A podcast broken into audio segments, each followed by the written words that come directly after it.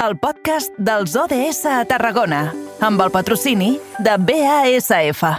Fantàstic, moltíssimes gràcies, David. Nosaltres, però, ens quedem eh, encara als estudis de la nova ràdio de Reus, ara per pujar la màquina del temps i viatjar al 2030 amb els objectius de desenvolupament sostenible, els ODS. Aleix Pérez, bona tarda, què tal, com estàs? Molt bona tarda, Eduard. Escolta, avui hem de parlar de premis.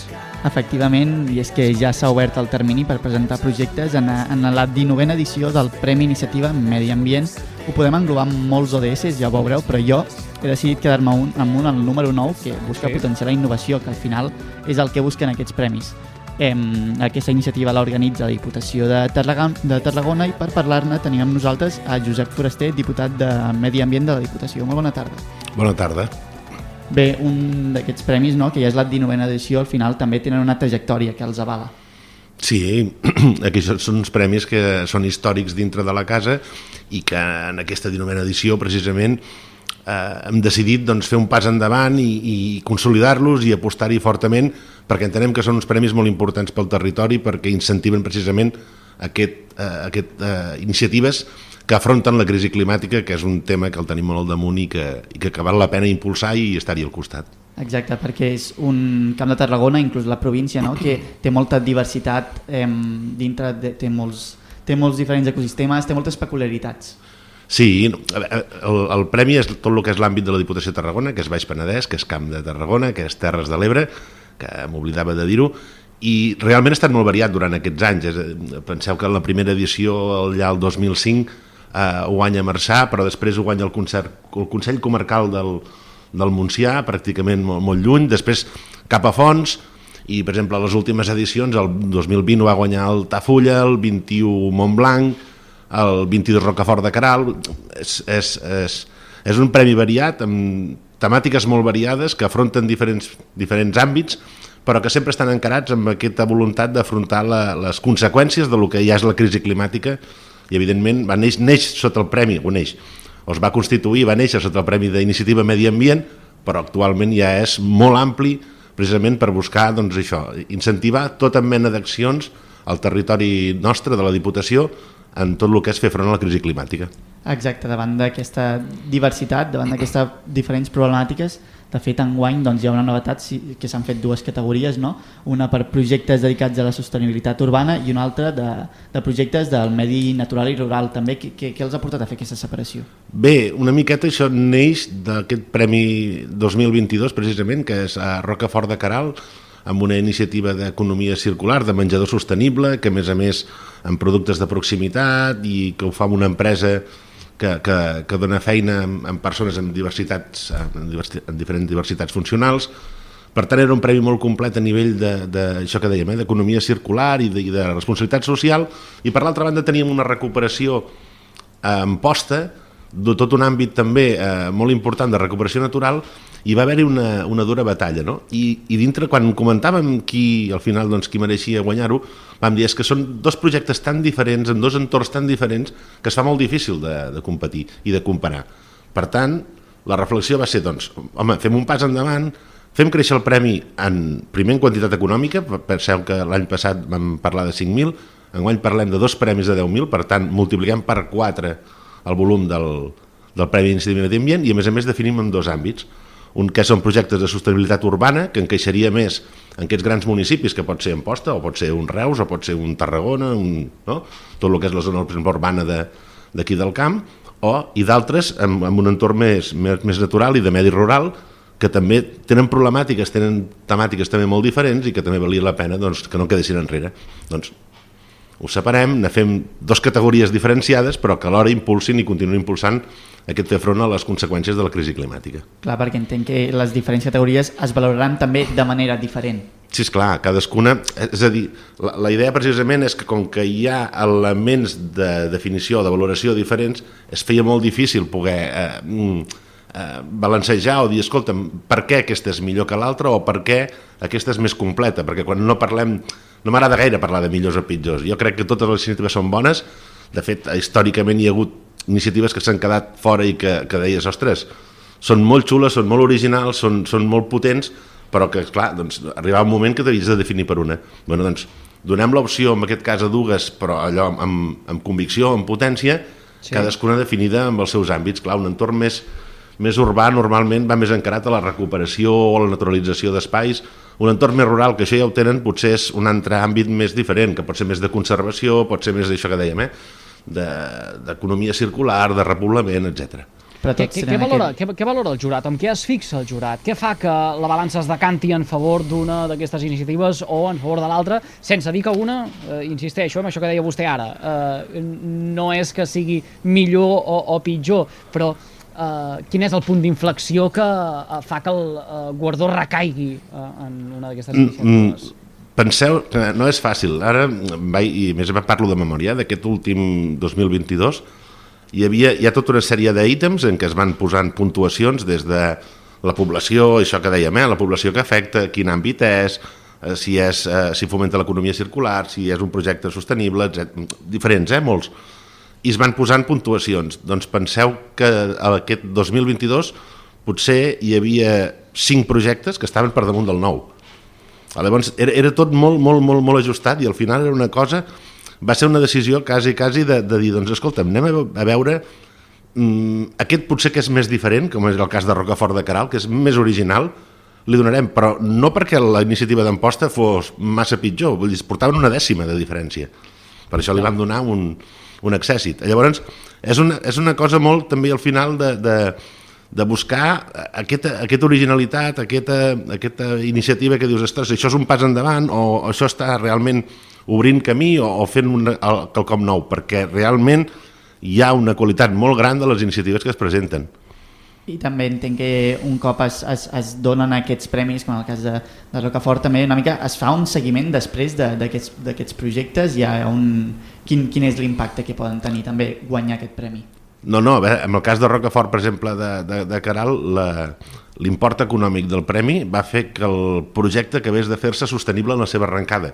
Ells, tal com el tenien plantejat, un pic arrencat ja ja és sostenible, ja, ja, ja té continuïtat, ja s'aguanta per si sol perquè, perquè val la pena i perquè eh, eh, recordo que vaig anar a fer la visita precisament de seguiment i havia augmentat molt l'assistència la, de, de mainada al menjador escolar, inclús em comentaven que havien preguntat d'altres municipis propers i escolta'm, te'l puc portar aquí al menjador de l'escola?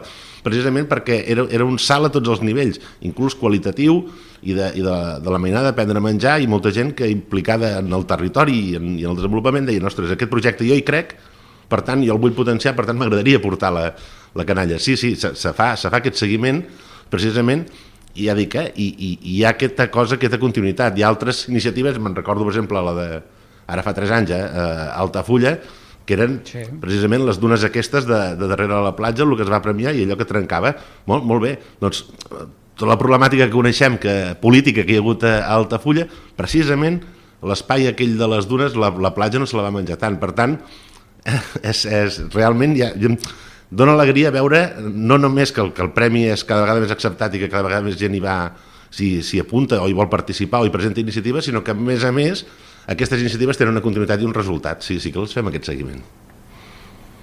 Perquè també això era un aspecte també a comentar, no sé si hi ha alguna mena de, de requisits o de, o, de, o de mínims necessaris que calen per inscriure el projecte o, quin, o quins són una mica els... No, en principi tot el que són les, les, les condicions bàsiques, que és, les tinc aquí eh, posades, però bàsicament és afrontar la crisi climàtica, per, us dono el detall, eh, el que és adaptació i mitigació al canvi climàtic, restauració ambiental, l'economia circular i verda, protecció i conservació, restauració i gestió natural, residus, energia, aigua, atmosfera, soroll, medi natural, sensibilització, sostenibilitat, vull dir, és molt ampli. Tothom i pot, tots els ens locals poden presentar iniciatives. A partir sí. d'aquí es catalog, bueno, es classifiquen els tècnics de la Diputació, evidentment, fan una valoració tècnica i al final hi ha un, un jurat en què es va ampliar, abans era, només eren membres de la Diputació, ara, per exemple, hi participa també la, la Mons Badia, la presidenta del, del Col·legi d'Ambientòlegs de Tarragona, que també forma part del jurat, que també doncs, eh, ens reunim al final i diem, doncs, home, aquest, aquest altre, però ja dic, eh, partint d'aquesta classificació, evidentment es pot presentar a tothom. Mm -hmm. Senyor Foraster, i els ajuntaments estan fent els deures en aquest sentit? És a dir, eh, s'estan posant les piles, sobretot des que eh, eh, som més conscients del canvi climàtic o s'accentuen, per exemple, aquests eh, temporals o aquests eh, fenòmens que eh, quan succeeixen diem, ostres, eh, uh, on hem arribat. Uh, potser estem en aquell punt de, de no retorn. Uh, feia referència a la platja mm. d'Altafulla, sabem en quin estat tenim moltes platges del litoral de la Costa Daurada, eh, fruit de les darreres llevantades, sobretot eh, després de tot el que va significar el temporal Glòria, però som conscients també, per exemple, de les onades de calor que eh, travessem eh, ara cada cop amb unes temperatures més elevades. Som conscients també d'aquestes pluges torrencials que quan plouen, ostres, eh, són torrencials i a més a més causen eh, estralls Uh, uh, uh, això es nota també, vostès, quan fan el seguiment dels deures uh, de l'administració local? Mira, permet-me que, que et faci una miqueta d'aprofiti, eh, per fer-te una miqueta de balanç d'aquests d'aquests tres anys d'aquest mandat a la Diputació i, de, i del que hem fet des de l'àrea de Medi Ambient. Penseu que, en, per exemple, en gestió forestal hem multiplicat per 10 els recursos que, que hi destinem, a part de, de, de l'impuls tècnic que s'ha fet, i s'esgoten aquestes subvencions per 10, ja dic, eh, per 10 la quantitat, no, no, no la quantitat individual, que també l'hem augmentat, però s'esgoten les subvencions. Per tant, vol dir que hi ha molts més ajuntaments que hi creuen, que hi aposten, que hi opten i que hi volen donar continuïtat. Hem augmentat la, les, la partida de les ADFs, també s'esgoten. Hem augmentat moltíssim el que és el, el, el PAES, que és la subvenció estrella de Medi Ambient als ens locals de la Diputació, que arriba fins a 50.000 euros i hem posat més de 5 milions d'euros de, aquest últim exercici i s'esgota en projectes de... El PAES és el pacte d'alcaldies, que és sí. aquest pacte a nivell europeu que, que, que engloba les diferents iniciatives que hi pot haver en, la, en aquest àmbit. Eh? S'esgoten, s'esgoten. Els ajuntaments no només hi, hi, eh, en són conscients, jo crec que hi creuen, perquè de fet és una cosa que és més enllà d'alguns no? Eh, eh, postulats polítics que jo entenc que deuen buscar el seu espai, és una evidència que tenim una crisi climàtica al damunt amb unes conseqüències que no són reversibles, que ens estan provocant, doncs, per exemple, ara mateix el problema de la sequera, tan present aquí, i les conseqüències que això està tenint amb els avellaners del Camp de Tarragona, per exemple. No? Doncs, és clar, eh, eh, els ajuntaments això ho veuen i en tot allò que és el seu àmbit, en tot allò que des de Diputació els podem ajudar, ells hi mm. aposten, Diputació hi aposta, tots plegats ens ho estem creient molt, estem augmentant els recursos, no, no perquè vulguem augmentar els recursos per augmentar-los per, per, per premiar res, sinó perquè veiem que hi ha aquesta necessitat realment d'augmentar recursos, d'ampliar tant el màxim que puguem el ventall i de posar tots els serveis tècnics i tota la potència de la Diputació, que no és poca, al servei d'aquesta mm. causa, perquè és que ens ve el damunt. Ens ah, ve el damunt i els fronts, els fronts són múltiples. I en aquest sentit, quins haurien de ser els reptes o les ambicions dels ajuntaments a curt, mitjà termini? No ho sé, podem parlar, per exemple, d'aquest mandat, que tot just ara mm, comença.